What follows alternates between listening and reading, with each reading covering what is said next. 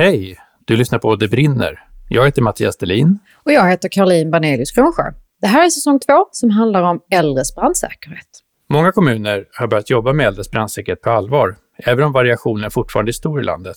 Mm, så är det. Och idag ska vi få höra om goda exempel från tre stycken räddningstjänstförbund.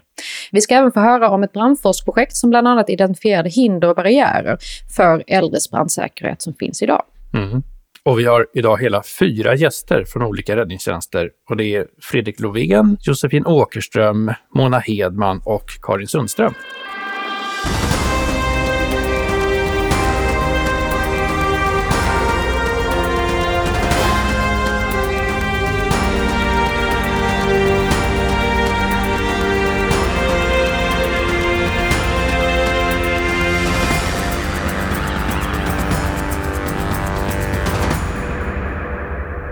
Ja, idag har vi rekord i antal gäster, fyra stycken.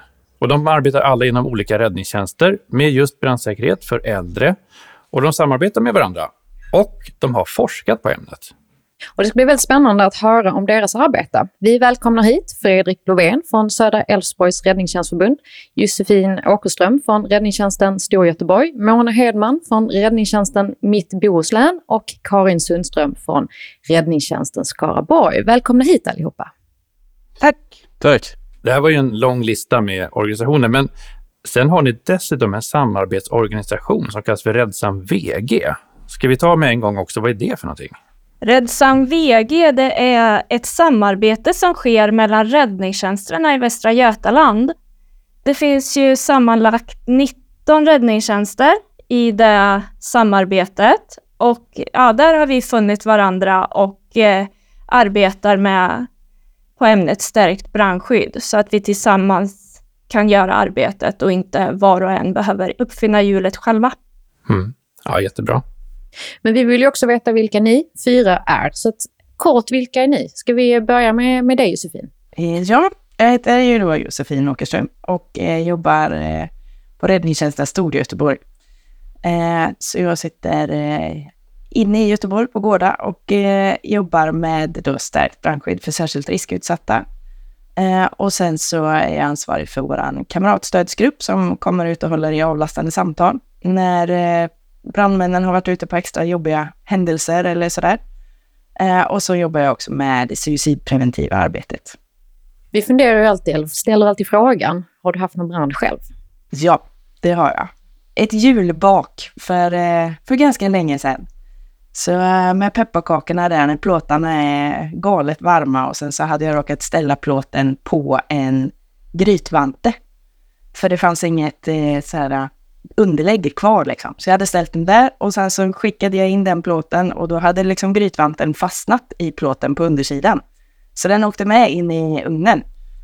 Och sen eh, när pepparkakorna då var klara och jag öppnade ugnen, då började det ju brinna under där. Men ni klarar av att hantera det själva? Ja, det var inga problem. Det var bara att rycka loss vanten och slänga den i diskon. Mona, vem är du? Ja, Mona Hedman heter jag och jag jobbar ju som eh, brandinspektör i förbundet Mittbohuslän. Eh, och som inspektör jobbar man ju förebyggande, så jag gör ju tillsyn såklart. Och jag jobbar med extern utbildning, första hjälpen, hjärt-lungräddning och jag jobbar ju med stärkt brandskydd i våra kommuner. Och jag jobbar som vakthavande befäl i ledningscentralen som finns i Trollhättan, Fyrbodal. Och jag sitter ju i Uddevalla.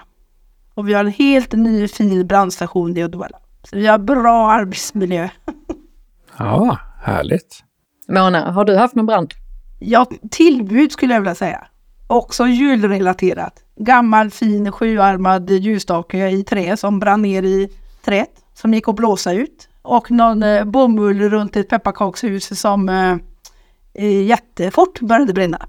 Men som gick att kväva och släcka utan problem. Ja, vad skönt att det inte blev något, något större av det. Ja. Fredrik då? Vem är du? Ja, eh, jag gjorde lumpen som brandman en gång i tiden. På den tiden man kunde göra det. Sen läste jag till brandingenjör och sen fastnade jag i, i byggbranschen och industrin i, i många år, eller 12 år. Så att jag, jag har bara jobbat inom räddningstjänsten i några år nu. Och kan väl ingenting om det här med brandskydd för riskutsatta till en början. Så, så att det var väldigt nytt för mig. Men eh, mycket spännande såklart. Hur jobbar du med det idag? Ja, idag så jobbar jag ju, jag har ett projekt på gång som jag inte får prata om så mycket, men, men eh, annars jobbar vi inte så mycket alls egentligen i samverkan med de här sex kommunerna där, där jag jobbar på räddningstjänsten. Mm. Och hur är det hemma då? Har du haft någon brand? Ja, det är också lite jultema för min del med, med julgranen eh, när jag var liten. Men som tur var så fick mina föräldrar utan ett tomtebloss som, eh, som hamnade lite för nära grenarna. Ja, men de slängde ut hela granen alltså? Ja, just det. Ja, Med julpynt och allt. Jajamän.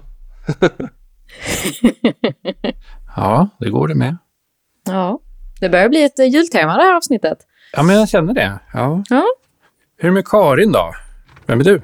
Ja, jag heter Karin Sundström och jag jobbar på räddningstjänsten Skaraborg som inspektör, precis som Mona gör.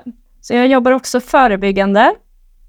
Jag jobbar med tillsyner, antingen utifrån lagstiftningen LSO eller LBE. Jag hanterar tillstånd. Om någon ska ha brandfarlig vara över en viss mängd så måste man söka tillstånd hos räddningstjänsten för det. Så hanterar jag sånt. Svarar på remisser inom byggprocess och ja, gör olika ärenden med i, i byggprocess på platsbesök och sådana saker. Och jobbar också då med stärkt brandskydd. Vi är ju elva kommuner i vårt förbund, så att, eh, men jag sitter på brandstationen i Skövde, men jag jobbar över hela förbundet. Mm. Har du haft någon brand hemma? Ja, det har jag faktiskt haft. Eh, jag har haft en ganska vanlig brand, tror jag. Det är tvättmaskinen som brann vid ett tillfälle. Jag hade gått ner för att starta tvättmaskinen. Eh, den står placerad i källaren, så gick jag ut och skulle låsa dörren för att jag skulle åka till jobbet. Men precis innan jag låser så hör jag att det inte låter som det ska göra. Så jag går tillbaka ner till källaren och ser att det eh, slår eh, som blixtrar ut under tvättmaskinen och rökigt och någon eldflamma så. Samtidigt som det är vatten på golvet. Så jag agerar väldigt snabbt och eh, rycker ur den här eh, kontakten ur väggen och ringer till min man som har åkt till jobbet. Eh, så han får vända tillbaka, hjälpa mig att bära ut tvättmaskinen till garageuppfarten där vi med en pulversläckare släcker branden och sen fick den stå där över dagen. Du menar alltså att det brinner i, i tvättmaskinen när ni lyfter ut den? Det är fortfarande rök ur tvättmaskinen, ja. Att ni vågade ta i den då, tänker jag. Den var ju inte varm. Sen har jag ju jobbat som brandman i många år också, så att jag vet ju när det är farligt och kanske inte så jättefarligt. Just det. Men, men det kommer slå liksom inga lågor ur den när ni, när ni bar ut den? Liksom. Inga lågor, bara rök. Och då skruvar vi av locket så att man verkligen kom åt elektroniken och så in med pulversläckaren fick vi två exempel här nu på bränder där man har burit ut det som brinner. Det är också ett sätt att hantera situationer ibland. Ja, och av det lärde vi väl också oss att det är inte bra att starta maskinen innan man går hemifrån. Ja, dramatisk öppning här. Ni är ju bekanta med Brandforsk eh, sedan tidigare också för att ni satte igång ett forskningsprojekt för några år sedan eh, med anledning av saker ni stötte på i ert arbete som, ni, som bekymrade er och förbryllade er och så vill ni reda i det. Eh, kan ni berätta lite mer om det? Vad, vad var det som fick igång det projektet och vad, vad gjorde ni och vad kom ni fram till? Ja, eh, vi kan väl egentligen säga att det var lite frustration som låg bakom det här brandkårsprojektet. Eh, och ingen, ingen, av oss har ju någon forskningserfarenhet så vi, vi har ju skämtsamt kallats för barfotaforskning bland annat. Men, men det, är vi, det är vi stolta över. Mm. Och frustrationen grundades väl i att eh, idag så vet vi relativt mycket om de som skadas och omkommer i bränder. Vi vet vilka riskfaktorer som finns, eh, exempelvis hög ålder och, och rökning, ensamboende. Och eh, om vi tar en helt vanlig lägenhet, de flesta som, som dör i bränder bor i hyresrätter. Så generellt sett så har man bara tillgång till ett trapphus. Vilket innebär att fönster och balkong är den, den alternativa utrymningsvägen för att man ska alltid ha två oberoende utrymningsvägar eh, så långt tillbaks byggreglerna sträcker sig i princip. Mm. Och sen då för att komma ner från sitt fönster eller balkong så ska man ju oftast då kunna klättra själv från upp till 11 meters höjd på en bärbar stege som, som räddningstjänsten kommer hit med. Eh, Så brandskydd i bostäder bygger på att den enskilde själv kan uppfatta ljudet från brandvarnaren och sen agera själv och kunna släcka då eller utrymma. Och det här funkar väl fint historiskt före det fanns så mycket stödinsatser och före det fanns hissar exempelvis så, så klarar man inte av att bära upp matkassarna längre för trapporna och sköta sig själv så var det dags för, för äldreboende. Där det fanns personal dygnet runt som, som hjälpte till då vid, vid brand exempelvis. Och idag så har vi ju hundratusentals personer som sitter hemma i olika former av stödinsatser där väldigt många har svårt att agera själv vid brand. Så, så i, den, i den frustrationen då att, att det, det ser ut som det gör och vi vet mycket men vi får inte till det. Det, var väl egentligen grunden till det här brandvårdsprojektet. Så att tillsammans då så försökte vi ta ett helhetsgrepp om det här. Det tyckte vi att det, det har väl ingen gjort förut riktigt. Sen för att få struktur på det så försökte vi dela upp det då i fyra olika områden. Juridik, ekonomi, teknik och arbetsmiljö. Och till vår stora lycka och glädje så fick vi ju hjälp av en väldigt stor referensgrupp. Eh, olika försäkringsbolag, statliga myndigheter som Socialstyrelsen, MSB, forskare från olika ställen, eh, jurister, biståndshandläggare och chefer inom kommunal äldreomsorg, större fastighetsbolag med mera. Så referensgruppen hade vi ju jättestor glädje av och stämde av flera gånger så att vi var rätt på, på spåret så att säga. Och dyker vi in i slutsatserna från det här forskningsprojektet så hittar vi ju en hel rad med olika motstridiga lagar, eh, exempelvis jordabalkens besittningsrätt. Det vill säga att man får inte man får inte vräka personer i Sverige på grund av mental eller fysisk funktionsnedsättning. Det är den djupaste av, av diskriminering. Eh, Och det, det är väldigt fint och bra. Eh, Men ställer man det i proportion till plan och bygglagens eh, krav på utformning av lägenheter som jag pratade om innan, att man faktiskt ska kunna agera och utrymma själv. Det är, det så vi bygger bostäder, eh, även enligt dagens nybyggnadsregler. Då blir det lite motstridigt. Sen saknas det föreskrifter och rättsfall kopplas till, eh, till vård och stödinsatser i hemmet då, eh, i, i brandperspektivet. Och det berör ju både LSS, hälso och sjukvårdslagen och socialtjänstlagen. Att man, man har inget fokus på individens skyddsnivå vid brand när man sätter in de här stödinsatserna. Eh, och det är, det är ett stort hinder, en, en stor brist. Vi har också en eh, ganska jobbig sekretess i Sverige. Eh, där man inte får avslöja saker mellan myndigheter generellt. Och specifikt då om vi dyker in i socialtjänstlagen till exempel så, så får inte hemtjänstpersonal avslöja någonting som rör hemförhållanden. Så att eh, ligger någons brandvarnare nedplockad utan batteri så får man inte berätta det då som hemtjänstpersonal för exempelvis för räddningstjänsten. Sen är det också lite oklart och snårigt vem som ska betala olika brandskyddsanpassningar. Bostadsanpassning och hjälpmedel kan idag sökas via tre olika lagstiftningar med, med oklar gränsdragning sinsemellan, vilket ställer till det. Och sen har vi också olika tekniska produkter utan definition. Det finns ett begrepp som man kallar för portabel sprinkler till exempel. Ett sorts släcksystem som man ganska enkelt kan sätta in i en lägenhet. MSB och Boverket har använt de här begreppen i, i olika rapporter och till och med remissvar till lagförslag. Eh, vilket vi tycker är olyckligt för det, det är svårt att handla upp någonting eller, eller lägga in någonting som, som lag då, om, om det finns om det saknas en definition av vad det är för någonting. Så det, det finns en rad olika barriärer och problem med det här. Såg ni någonting i era resultat som var liksom positivt, där det ändå fanns en riktning som var, gick åt rätt håll? Eh, Spisvakt är väl ett exempel på en, eh, en positiv sak. Där har vi ju ett rättsfall från över förvaltningsrätten eh, som har dömt att det är, det, det är en, en skälig installation då vid, vid minnesproblem. Så det, det är väl en sak som funkar. Det, det föreskrivs eh, väldigt ofta. Mm. Sen då i våra slutsatser då, hur vi tycker att man ska göra för att komma vidare i det här ämnet. Det är ju att blicka mot Norge. Det är föregångslandet i de här frågorna. Där genomförde man en stor statlig utredning för ungefär 12 år sedan.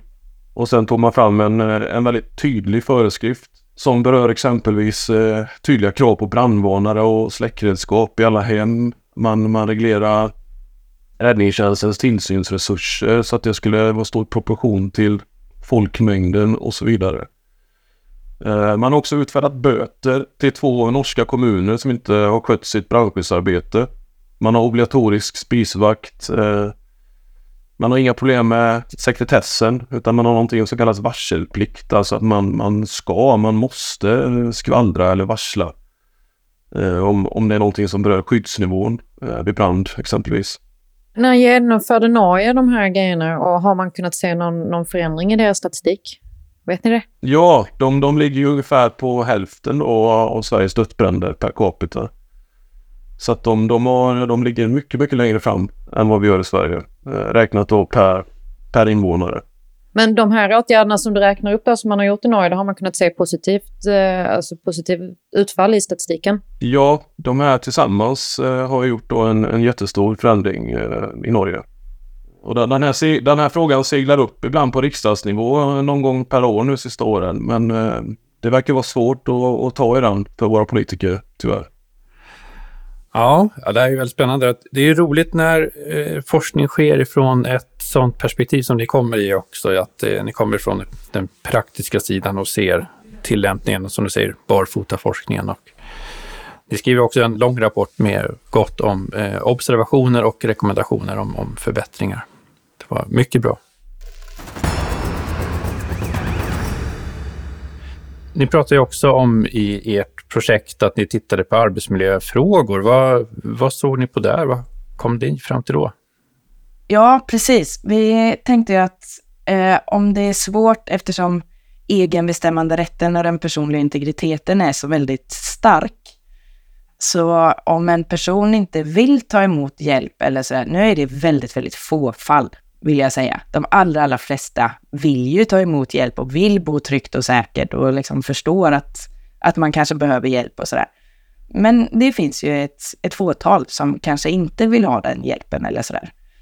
Eh, och då tänkte vi att det kanske går att, att liksom ta arbetsmiljöspåret då istället och se, kan man få jobba liksom under vilka förutsättningar och förhållanden som helst? Just det. Och det är när de har hemtjänst då som kommer hem till dem och Ja, men jobbar precis. där. Till exempel. Och för några år sedan så gjorde vi ett annat projekt då i Rädsam VG där vi tittade just på, på den biten. Och då finns det ju någonting som kallas för AFSEN, AFS. Eh, Arbetsplatsens utformning är det vi pratar om, eller ja, ja, precis. Ja. Tack. Ja. Eh, som beskriver arbetsmiljön, vad man, vad man får och inte får göra och att man ska jobba på ett tryggt och säkert sätt. Och då fanns det också en punkt som beskrev att även ifall man jobbade i någons hem så skulle man ändå ha en trygg och säker arbetsplats.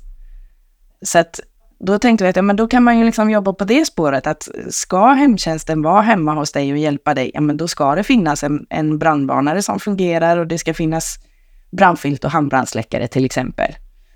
Men sen när de gjorde om AFSen, då tog man bort den punkten. Så att då är det liksom inte ett krav längre att man ska se över liksom brandsäkerheten för personer som jobbar i någons hem längre. Däremot så är fortfarande arbetsgivaren eh, skyldig att se till att man har en, en trygg och säker arbetsmiljö och man kan fortfarande gå utifrån det här som en, som en föreskrift eller ett råd, liksom att jobbar du på det här viset så, så blir det tryggt och säkert för de anställda. Men det är inte ett Mm. krav längre, Ja. vilket vi tyckte var väldigt synd då, såklart. Utifrån det ni har lärt er i det här forskningsprojektet och de hinder som ni har sett och där ni kanske inte ser att det egentligen görs någonting i, i dagsläget. Josefin, hur, hur jobbar ni i er kommun för att ändå liksom förstärka den äldres brandskydd? Ja, det finns ju, det som är bra kan man säga med, eller som både är ett hinder och positivt med socialtjänstlagen, det är ju att det är en ramlag. Så att vi kan ju, det står inte liksom att man ska jobba med stärkt brandskydd, men det står heller inte att man inte får göra det. Så att det öppnar ju ganska mycket möjligheter och finns det personer i kommunerna som är engagerade och tycker att det här är en viktig grej så finns det väldigt mycket möjligheter. Och de har vi ju försökt att liksom ta vara på. Och de allra, allra flesta riskutsatta har ju kontakt med kommunen eller samhället på något sätt. Men sen så finns det några som, som inte har det. Och där är det väldigt viktigt att vi når de personerna också, för de är ju ännu mer utsatta såklart. När det inte ens är någon som vet om att de har kanske ett riskbeteende plus att de har svårt att, att hantera en brand eller sådär då. Och där tänker jag att räddningstjänsten har ett väldigt stort ansvar i att göra sig tillgängliga så att vi kan samarbeta med olika aktörer för att det ska bli ett så effektivt eh, arbetssätt som möjligt. Och i Storgöteborg och flera andra räddningstjänster också så jobbar man med till exempel orosanmälan. Så att när vi har varit på larm hos någon där vi ser att levnadsförhållandena inte är bra eller det kanske har brunnit flera gånger tidigare, eller vi tror att det kan brinna igen, då får jag den händelserapporten till mig och sen så ringer jag in en, en orosanmälan till socialtjänsten. Hur gör ni där? För jag tänker att det kanske inte är samma styrka som åker ut till samma adress. Hur gör ni för att mappa att ni har varit på samma ställe flera gånger? Ja, bra fråga. Eh, vi skriver, efter varje larm som vi är ute på så skriver vi en händelserapport som eh, beskriver larmet vi har varit på och som är kopplat till en adress och sådär. Eh, så att där kan vi ju se att vi har varit ute på samma. Och eh, ganska ofta ändå så är det faktiskt samma styrka som åker till, till samma larm också. Men det är också så att man pratar med varandra på stationen. Sen så har vi också en flik i den här händelserapporten som man kan fylla i just om man är orolig för en person. Mm. Och sen så har vi personer som sitter och läser alla händelserapporterna. Och när man då har fyllt i den här fliken, då liksom mejlas den till mig. Så att vi har liksom flera olika sätt att fånga upp de här händelserna på. Mm. När, när du får en sån heads up då, vad, vad gör du då? Ja, men då tar jag kontakt med styrkeledaren, alltså befälet som har varit på platsen. Och sen så kollar jag eh, lite mer för att få höra liksom i, i ord ifrån dem som har varit där. Hur det såg ut och vad de upplevde och hur de upplevde personen och vad det är som de liksom tycker är oroväckande. Och sen så ringer jag in den här orosanmälan och sen så försöker jag ju samtidigt då tipsa lite om vad man kan göra för att det inte ska hända igen. Så det är liksom en del när vi har varit på händelser, för här har vi ju verkligen chansen att göra skillnad. Här har vi ju redan haft en brand hos den här personen, så det är ju uppenbart att det finns en risk. Och just de som är liksom riskutsatta, det är ju kanske lite annorlunda från ja, men, när vi berättade att vi har haft eh, någon brand hemma. Då blir vi extra uppmärksamma på det och så här och ser till så att inte det händer igen. Men har man tunga mm. mediciner eller man kanske har ett, ett missbruksproblem eller någonting sånt, då är det inte säkert att man har den förmågan att se till att det inte händer igen. Det är så mycket viktigare att vi kan, att samhället kan stötta upp och, och liksom sätta in, ja men kanske en spisvakt eller en portabel sprinkler eller någonting sånt här som, som finns som ett extra skydd. Om det ändå händer igen så ska det liksom mm. finnas utrustning som hjälper till så att det inte blir en värre händelse än vad det behöver bli. Mm.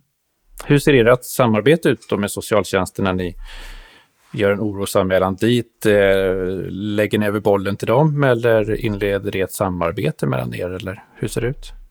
Nej, där är det ju mycket sekretess också, så att jag ringer ju in orosanmälan, men sen så får ju inte vi på räddningstjänsten veta liksom vad som hände sen det är ju tyvärr så att, eller det är ju både bra och dåligt, men vi får ju liksom inte, socialtjänsten får ju inte kontakta mig sen och säga att ja, men vi gjorde de här och de här åtgärderna och nu är personen flyttad eller liksom sådana grejer. Utan jag får bara liksom lämna över det som vi är oroliga för och ge lite tips och råd och sen så liksom får de ta, ta vid det sen. Så att eh, ja, det är lite så som det fungerar där. Men sen kan det ju också vara så att ja, ibland så kontaktar jag även fastighetsägare eller hemtjänst eller anhöriga eller sådär också. Och i en av våra kommuner, i Lerum till exempel, så har vi en brandskyddssamordnare i kommunen som jag har väldigt nära kontakt med. Eh, så att när det har skett tillbud eller bränder eller så i Lerum, då kontaktar jag alltid honom och sen åker han hem till personen och liksom fysiskt på plats se till att hjälpa till och stötta och sådär. Och sätta in de hjälpmedel som behövs i, om det är något som behöver stärkas upp eller sådär. Mm. Det låter ju väldigt snabbt och effektivt. Ja, verkligen. Men sen så kan vi också eh, bli kontaktade av andra som till exempel störningsjouren eller hemsjukvård eller sådär. Som kontaktar mig och säger att vi har en person som vi är oroliga över.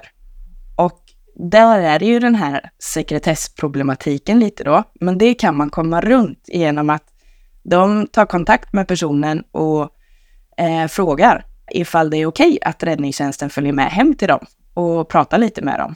Och får man då ett samtycke, då kan jag följa med hemsjukvård eller vad det nu är. Störningsjouren behöver faktiskt inte ha en sån, ett sånt samtycke överhuvudtaget, utan de kan tala om för eh, den boende att nu kommer vi hem till dig. Och sen så kan vi tillsammans då försöka ha en dialog, för det är ju det som är så viktigt, att personen själv liksom ska vara med och vilja göra en förändring.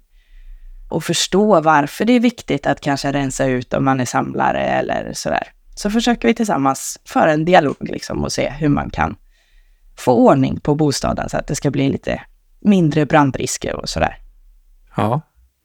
Det låter ju som när jag lyssnar nu att en viktig faktor i allt det här det är att man har en tydligt utpekad spindel i nätet och, och i det här fallet så är det du. Ja, det underlättar väldigt mycket om, om man har någon som har den rollen. Absolut. Ja, ja jätteintressant. Mona, om vi går vidare, så jobbar ni också med de här frågorna eh, inom ert räddningstjänstförbund. Vill du fördjupa dig eh, i någon av de frågorna? Gärna. Ja, det gör vi. Och vi har egentligen börjat för flera år sedan. Där jag var ute på arbetsplatsträffar som eh, hemtjänstpersonalen har. Eh, då pratade jag stärkt brandskydd och jag hade med mig checklister som de skulle fylla i och så här. Och så landade det tillbaka hos mig och så skulle jag rekommendera vad man skulle kunna ha för eh, åtgärder som gjorde att man fick det lite bättre hemma. Det visade sig vara ett lite tungjobbat arbete.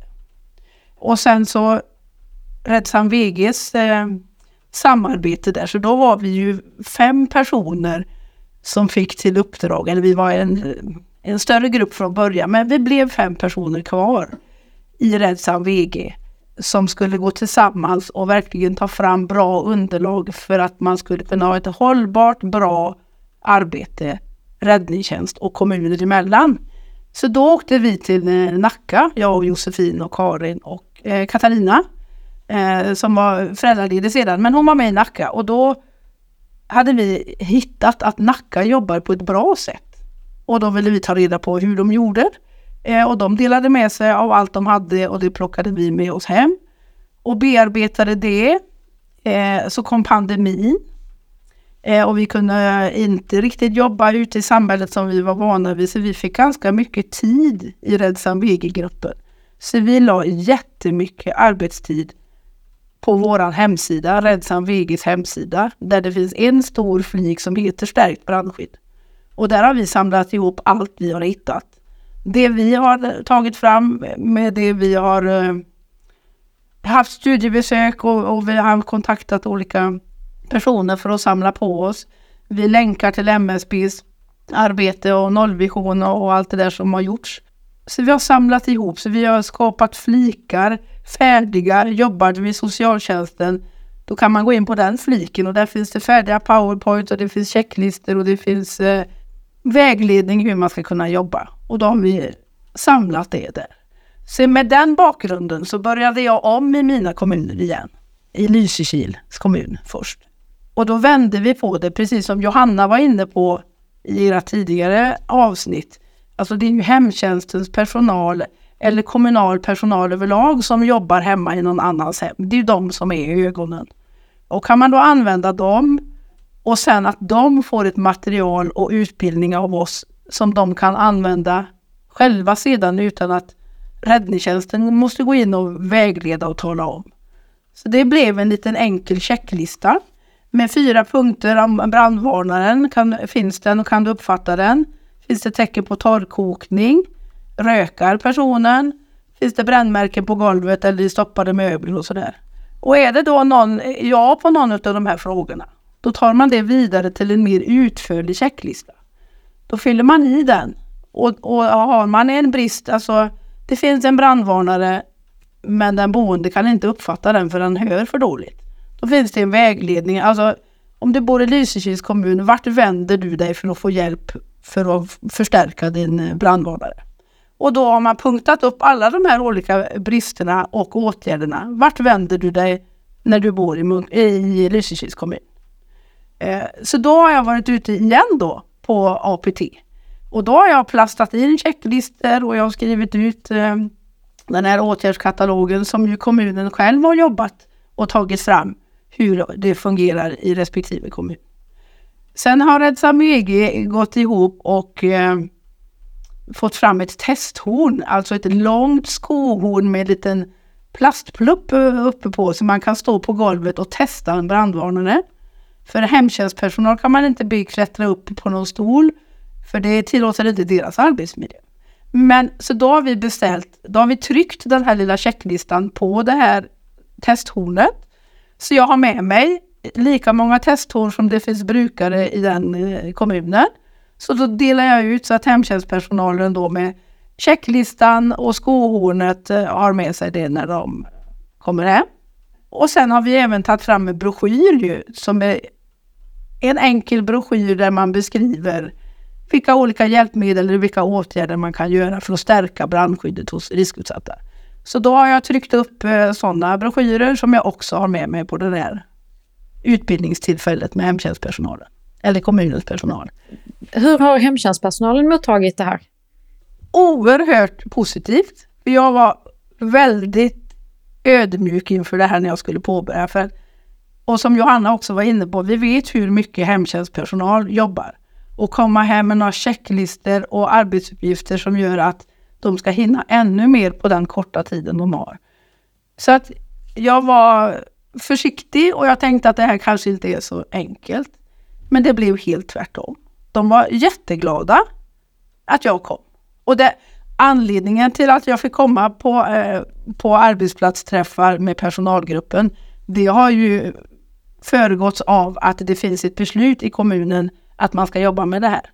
Och att det finns pengar som gör att det finns utrymme att jobba med det här. Så det har ju börjat där och naturligtvis möte med socialchef och enhetschefer innan det landar ner i att man går på APT med hemtjänstens personal. Och det bestämde man i Lysekil.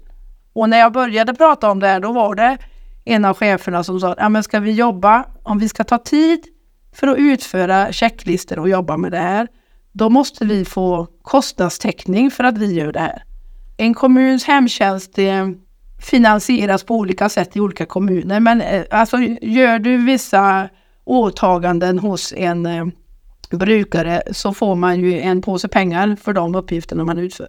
Så ska man lägga till att man ska jobba med stärkt brandskydd, då måste det finnas en pengapåse till det också. Och då tänkte jag att nu stoppar det nog, för det kanske inte finns. Och det kommer vändande post. Jo, det här ska vi göra och vi har pengar till det. Så vi kör på det här. Då. Så nu har de med sig så att de jobbar kontinuerligt med det här och har med sig broschyren och kan inte den boende själv ta till sig så är det ju anhöriga och så.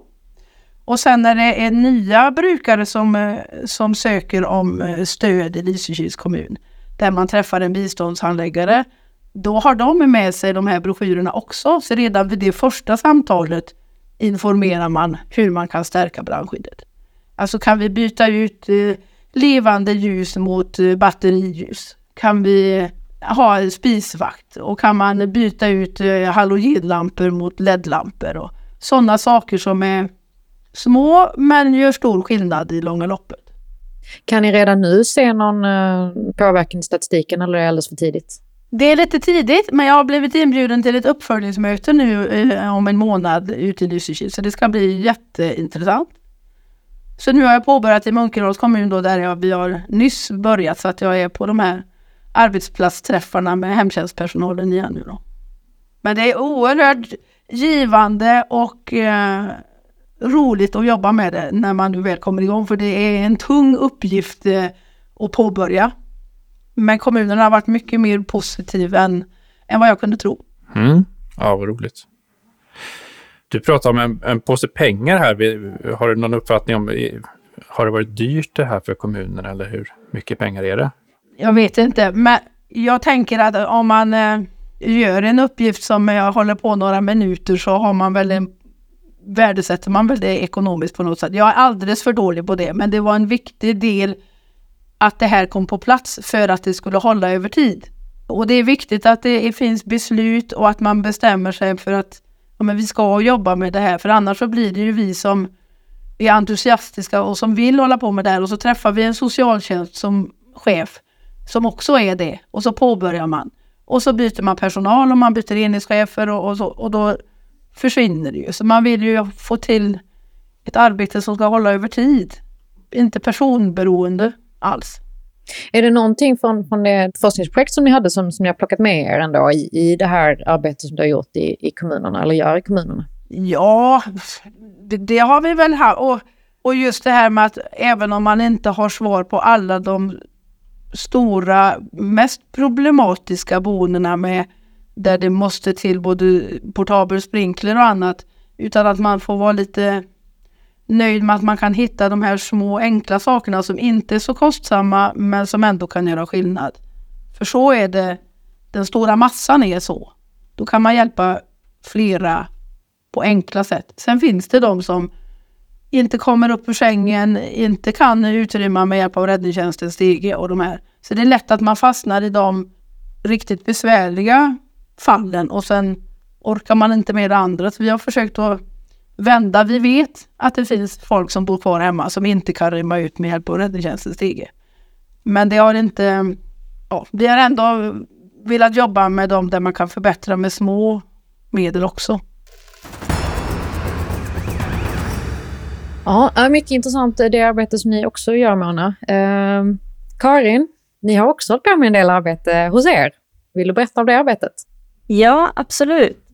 Som jag sa tidigare här då, så är vi ett ganska stort förbund med 11 kommuner. Och en av de kommunerna sticker ut lite i det här arbetet. Eh, och det är Lidköping som eh, har kommit en bra bit på väg, skulle jag säga. Eh, vi hoppas också på en utökning till de andra kommunerna, men vi får ta en sak i taget. Så jag vill börja prata lite om Lidköping och deras trygghetscentral. De har en egen trygghetscentral dit larmen kopplas för brukarna. Och där har de då också x antal vidarekopplade brandvarnare utplacerade i kommunen också.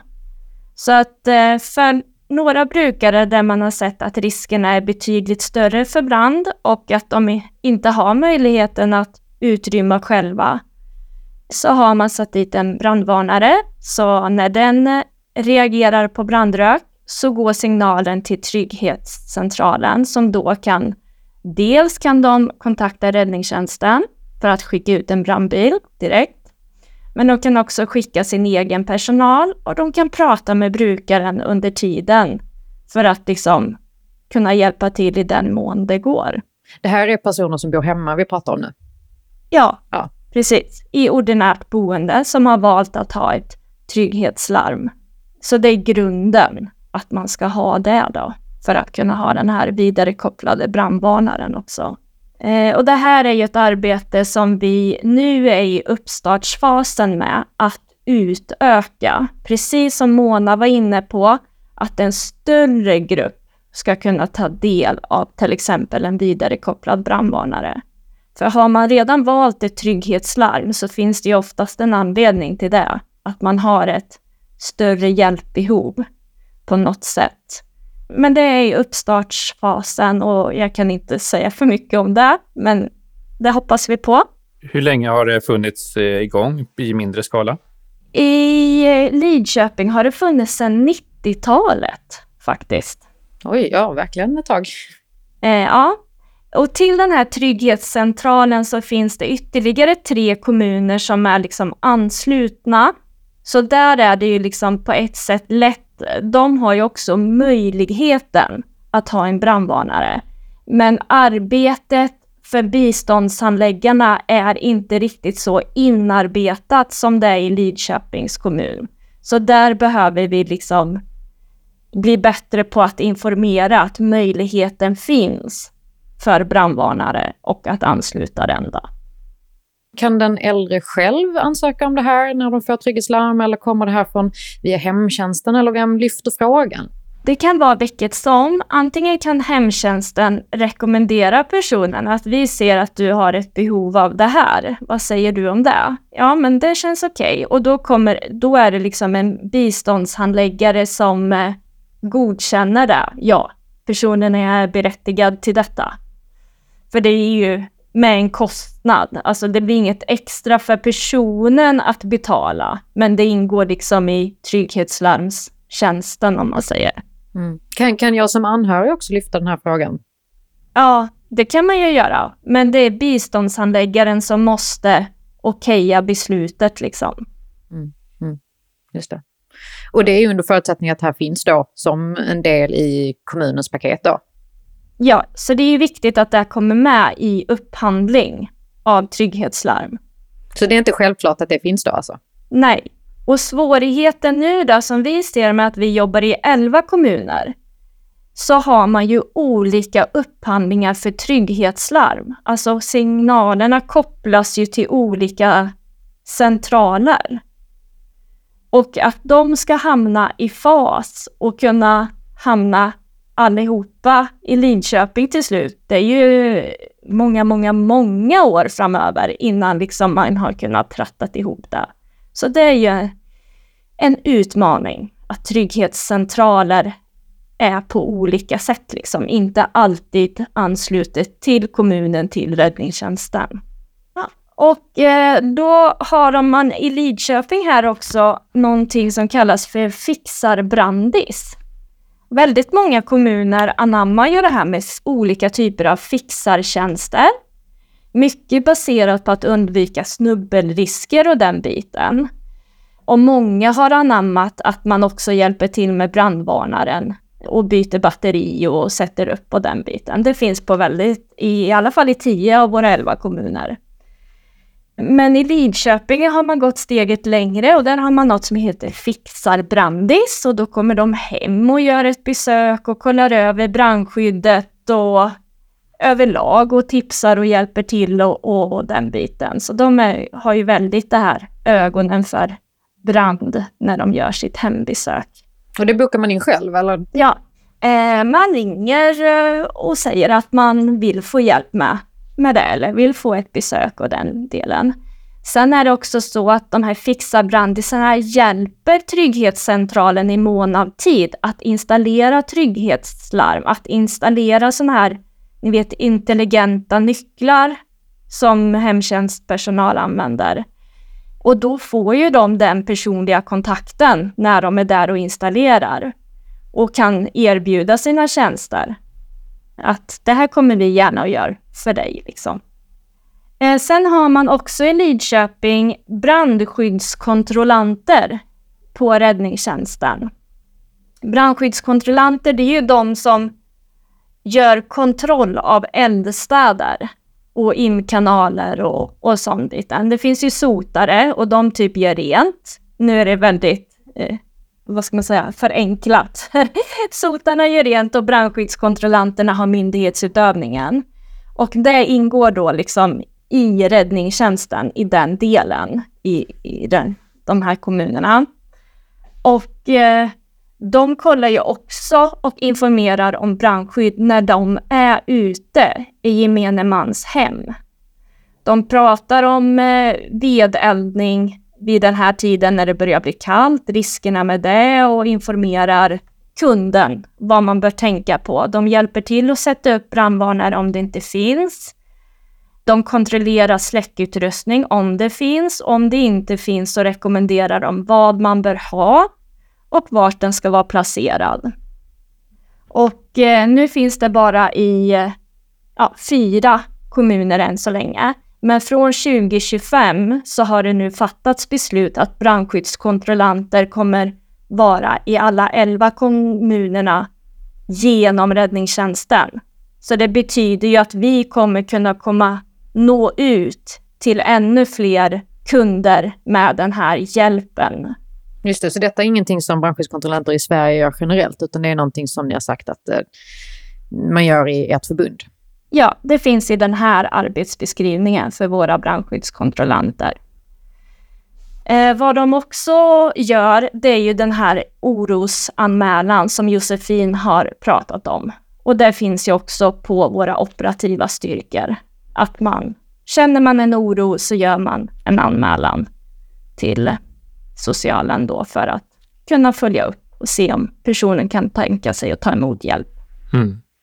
Hur är det med de här, alla de här sakerna som ni gör? Eh, erfarenheter och resultat hittills utav dem?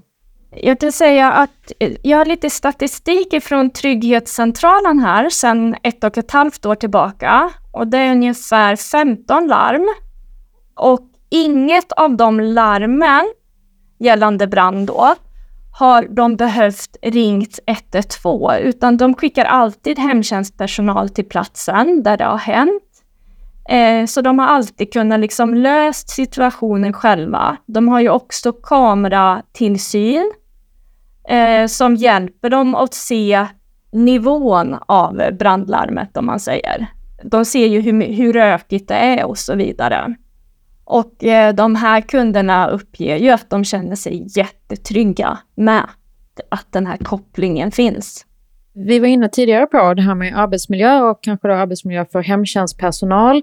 Hur är det för dem att gå in och göra en insats vid aktiverad brandvarnare?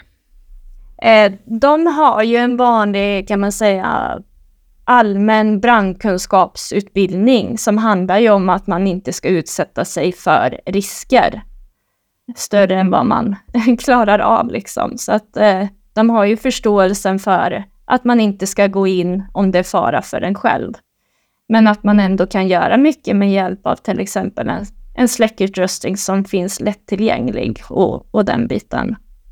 Och att bara finnas på platsen, att underlätta ju för räddningstjänsten, att man visar vägen, man vinkar in bilarna, man håller upp dörren, man säger det är plan två, och så vidare. Och hon brukar alltid ligga i sängen där inne och röka. Så, så det är helt enkelt eh, okej okay för hemtjänstpersonal att uh, göra den här typen av insatser. Det är ju skönt att höra. Med rätt utbildning så utsätter de sig inte för stora faror. Så det, de upplever det okej. Okay. Ja. ja, jättebra. I onsdags när vi pratade så var ni inne på eh, en intressant observation med vattenkokare. Ja, Eh, den allra vanligaste händelsen som förekommer som förorsakar ett brandlarm, det är att eh, brukaren har försökt att koka tevatten och då har de använt sig av vattenkokaren, fyllt på den med vatten men ställt den på spisplattan. För det är sedan gammalt. Man använde kastrullen och ställde på spisen. Nu finns det en vattenkokare, men det gamla sitter kvar att man ställer den på spisen. Man kopplar upp gammalt och nytt och så blir det fel alltså. Mm. Personalen på Trygghetscentralen pratar alltid om ta bort alla vattenkokare hos de med minnesproblematik alltså. De ska bort. Ja. Ska de använda spisen istället då eller vad är rekommendationen? Det är bättre alternativ om de nu ska ha spisen igång. Sen finns det ju spisvakt som man alltid kan ansöka om. Mm. Verkligen. Det händer mycket i era kommuner eh, och det händer olika saker i era kommuner. Det är också intressant att höra att ni angriper frågeställningen på olika sätt och att ni når framgång på olika sätt. Hur mycket pratar ni med varann i det här Rädslan VG och tar liksom med tips och tricks från varandra för att utveckla och förstärka eh, brandskyddet hos era äldre? Ja, men jättemycket skulle jag vilja säga. Och nu har vi valt ut lite olika inriktningar att prata om också, så många av oss gör ju kanske flera av de här olika grejerna också i våra eh, olika medlemskommuner och sådär. Men målet och förhoppningen är ju att vi liksom ska kunna göra allting i alla våra. Men det har varit lite olika ingångs eh, eller start, uppstarter liksom i de olika räddningstjänstförbunden eller sådär. Mm. För, jag tänkte där, eh, Fredrik, du har inte sagt så mycket om vad som händer i er kommun. Ni ligger lite mer i, i startgroparna än vad de andra gör, har jag förstått som. Ja, men så är det. Eh, om vi ska vara helt öppna och ärliga. Att det händer inte så mycket i de här sex kommunerna där jag arbetar i, i samverkan mellan räddningstjänst och, och, kommuner. Sen det vi har gjort nu är att vi har identifierat eh, den kommunen då där det brinner mest så att säga per, per kommuninvånare. Där flest skadas och omkommer vid bränder. Är det någonstans vi ska satsa så är det ju där så att säga där man får mest, mest pang för pengarna. Så där, där har vi ett projekt nu på gång men eh, det är inte riktigt beslutat än så jag, jag kan inte prata öppet om det men eh, det är på gång i alla fall. Eh, någonting. Så, så, vi, vi försöker att treva oss fram lite eh, hur man kan arbeta effektivt. Mm. Har ni en känsla av hur det ser ut i landet, inte bara inom Rädslan VG? För jag tänker att det måste vara stor skillnad mellan olika kommuner, olika förbund och så vidare. Jätteskillnad skulle jag säga. Det, det, ofta i olika typer av brandkonferenser så lyfter man ju fram goda exempel. Men, men det är ju det är väldigt sällan man, man pratar om någon sorts nationell helhet. Och de, de enkätundersökningarna man har skickat ut. Vi har med det i forskningsprojektet och eh, jag tror det var 40 i svarsfrekvens och man, man pratar ingenting om liksom, nivån på arbetet utan det är mer så här, jobbar det något med det här eller inte? Just det. Vad är det som har gjort, eh, om, jag, om vi tittar på Mona, Karin och Josefins eh, förbund här, vad är det som gör att ni ändå har kommit igång? Är det någon stark vilja eller vad är det som gör att ni har kommit så långt i ert arbete? Jag skulle säga att det är vårt nätverk i Rensam EG. För det här är tungjobbat. Så att får man inte stöd av varandra då och när vi fick så mycket tid under pandemin så vi verkligen kunde jobba fram så mycket bra material och underlag. Och sen har, eh, har man i Rensam VG beslutat att vi ska fortsätta och nätverka. Vi som jobbar med stärkt brandskydd i Rensam VG. Så då har vi nätverksträffar där många fler, alltså alla räddningstjänster helst, eh, är med så att vi kan stötta varandra. Någon har stött på någonting bra, någon har stött på något som var svårigheter och då finns det någon annan som kanske har en lösning på det. För oftast är det bara någon eller ett fåtal på varje räddningstjänst som jobbar med de här frågorna. Och då måste vi hjälpas åt för annars så blir det lite tungjobbat. Mm. Ni kan stärka varandra via nätverk då? Ja. Sen jobbar vi också mycket för de politiska besluten i kommunerna som vi ser är en viktig del.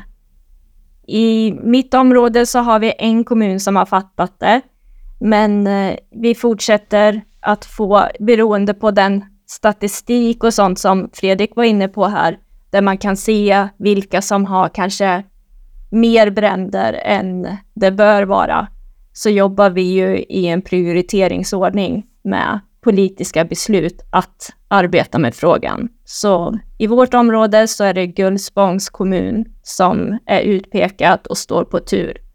Så hoppas vi på att vi får positivt från politiken där, att någonting måste vi göra. Och det är ju ofta så, när vi drog igång med det här ja, 2015 någonstans, då startade vi upp liksom ett projekt ihop med Lerums kommun, för då hade de haft tre dödsbränder på tre år, vilket är ganska mycket i en så pass liten kommun. Och då är ju kommunen väldigt angelägen om att nu måste vi ta tag i det här och göra någonting åt det. Så att det är ju tyvärr så att det måste ofta hända tragiska grejer för att det ska komma upp på agendan, för det finns ju så otroligt mycket som kostar pengar och som är viktigt och allting sånt i kommunerna. Så att eh, oftast så blir det ju lättare att få igång ett samarbete och, och verkligen få resurser och allting sånt om det har hänt eh, tragiska händelser. Tyvärr. Mm, ja, verkligen. Tyvärr. Att det ska behöva gå så långt så, så pass ofta i vår bransch. Ja, men det är ju resurser eh, som det slåss om och det är ju liksom kris i skola och det är kris i, i sjukvård och överallt. Så att man har ju självklart ett, en stor förståelse för att det är svårt att prioritera det här området eftersom det ändå drabbar ganska få personer. Men det är ju ett otroligt viktigt område och alla ska ju kunna känna sig trygga i sitt hem. Mm, verkligen. Vilka fina avslutningsord, Josefin. Tusen tack för att ni var med oss här idag och delade med er av ert arbete. Tack så jättemycket. Tack så mycket för att vi fick komma. Mm, tack så mycket. Tack för att vi fick vara med. Tack så mycket. Ja, det här var spännande. De pratar om barfotaforskning, men jag tycker att de hade väldigt mycket på fötterna vad gäller erfarenheter från verkligheten. Mm. Och det är också intressant att höra så många olika exempel och att det går att få politiskt intresse på kommunal nivå för just brandsäkerhet. Det är bara synd att det så ofta behöver föregås av en allvarlig olycka. Du har lyssnat på Det brinner, en podd som vill lära dig mer om brandsäkerhet. Podden produceras av Brandforsk som arbetar för ett brandsäkert och hållbart samhälle byggt på kunskap. Du kan nå oss på brandforsk.se. Där kan du ställa frågor till oss och komma med förslag på frågor för oss att ta upp här i podden. Och till nästa gång, kom ihåg att testa din och någon annans brandvarnare.